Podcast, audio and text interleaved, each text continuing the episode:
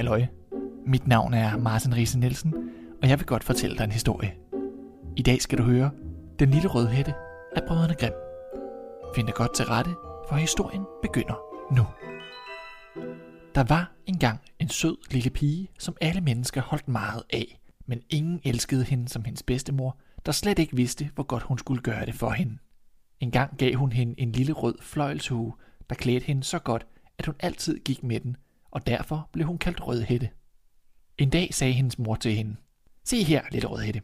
Her har du et stykke kage og en flaske vin.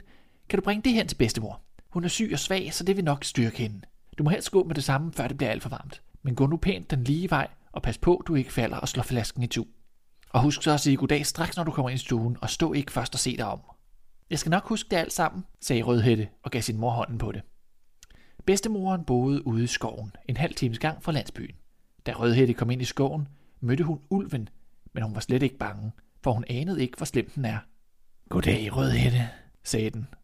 Goddag, svarede hun. Hvor skal du hen så tidligt? Jeg skal til bedstemor. Hvad er det, du har under forklædet? Det er kager og vin. Vi har bagt i går, og nu skal stakkels gamle bedstemor også have noget med. Hvor bor din bedstemor, lille Rødhætte? Åh, det er vel et kvarters gang herfra. Hendes hus ligger under de tre store egetræer, du ved nok. Det er en rigtig lækker lille mundfuld, tænkte ulven ved sig selv. Hun vil nok smage bedre end den gamle.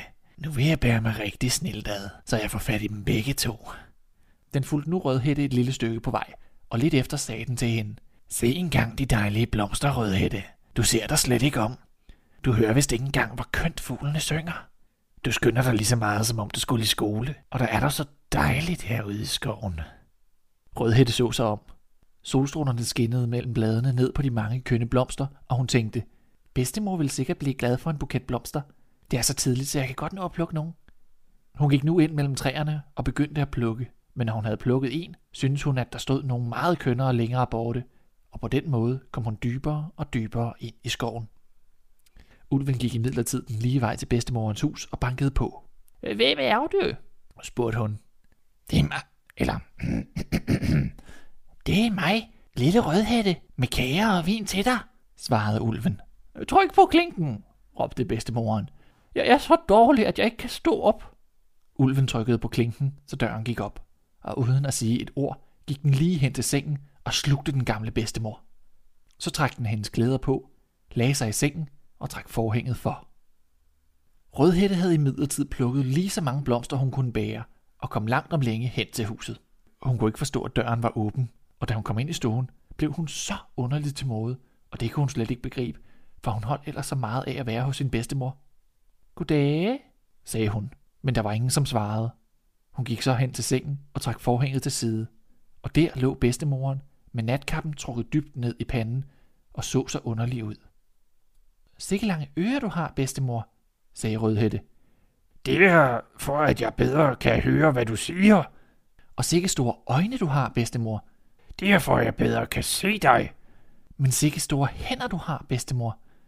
Så kan jeg bedre holde på dig. Men bedstemor, sikke en forfærdelig stor mund du har. Det er for, at jeg bedre kan æde dig, sagde ulven, og i samme øjeblik sprang den ud af sengen og slugte den stakkels lille rødhætte. Da ulven nu havde fået sin lyst styret, lagde den sig igen i sengen og snorkede, så huset rystede. Jægeren gik netop forbi og tænkte, det er dog løjerligt, som den gamle kone snorker. Det er nok bedst, jeg går ind og ser, om der er noget i vejen. Han gik ind i stuen og fandt ulven liggende i sengen. Nu har jeg dig da endelig, din gamle sønner, sagde han. Jeg har rigtig nok længe søgt efter dig. Han skulle lige til at skyde den, da han kom i tanke om, at ulven kunne have slugt den gamle bedstemor, og at hun måske var levende endnu. Han tog derfor sin kniv og begyndte at skære ulvens bu op. Da han havde gjort et par snit, så han den røde hue skinne, og lidt efter sprang den lille pige ud og råbte, Nej, hvor var jeg bange! Der var så mørkt i ulvens mave! Den gamle bedstemor kom også ud, men hun var meget forpustet og kunne næsten ikke få vejret. Rødhætte hentede i en fart nogle store sten og puttede dem ind i maven på ulven, og da den vågnede og ville løbe sin vej, faldt den om og var død med det samme. De var alle tre meget glade. Jægeren trak skinnet af ulven og tog det med sig hjem. Bedstemoren spiste kage og drak vin og kom igen til hægterne, Og lille Rødhætte lovede sig selv, at hun aldrig mere ville løbe ind i skoven, når hendes mor havde forbudt hende det. Man fortæller os, at da Rødhætte en anden gang ville bringe sin bedstemor nogle kager, mødte hun igen en ulv, som ville lokke hende ind i skoven. Men Rødhætte tog sig vel i jagt og gik lige hen og fortalte sin bedstemor, at hun havde mødt en ulv. Den så så ond ud, sagde hun, så jeg vidste på, at den havde spist mig, hvis det ikke havde været på den vej, hvor der kommer så mange mennesker forbi. Lad os lukke døren, så den ikke kan komme herind, sagde bedstemoren. Kort efter bankede ulven på døren og sagde, Luk op, bedstemor. Det er Rødhætte, der kommer med kager til dig. De svarede ikke, og ulven listede sig nogle gange rundt om huset, men sprang til sidst op på taget for at vente der, til Rødhætte gik hjem om aftenen, og så snige sig efter hende og æde hende i mørket. Men bedstemoren mærkede nok, hvad den havde i scene. Uden for huset stod der et stort stentru, og hun sagde nu til pigen, Jeg har kogt pølser i går, lille Rødhætte. Tag det vand, jeg har kogt dem i, og hæld det ud i truet. Rødhætte gjorde det, og lugten af pølserne trængte op til ulven.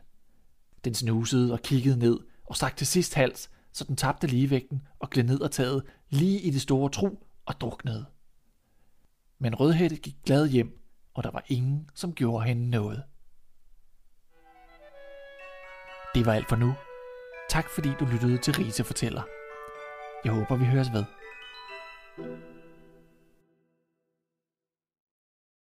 Hvis du kunne lide, hvad du hørte, vil det være en kæmpe hjælp, hvis du har lyst til at dele Rise Fortæller med nogen, du kender.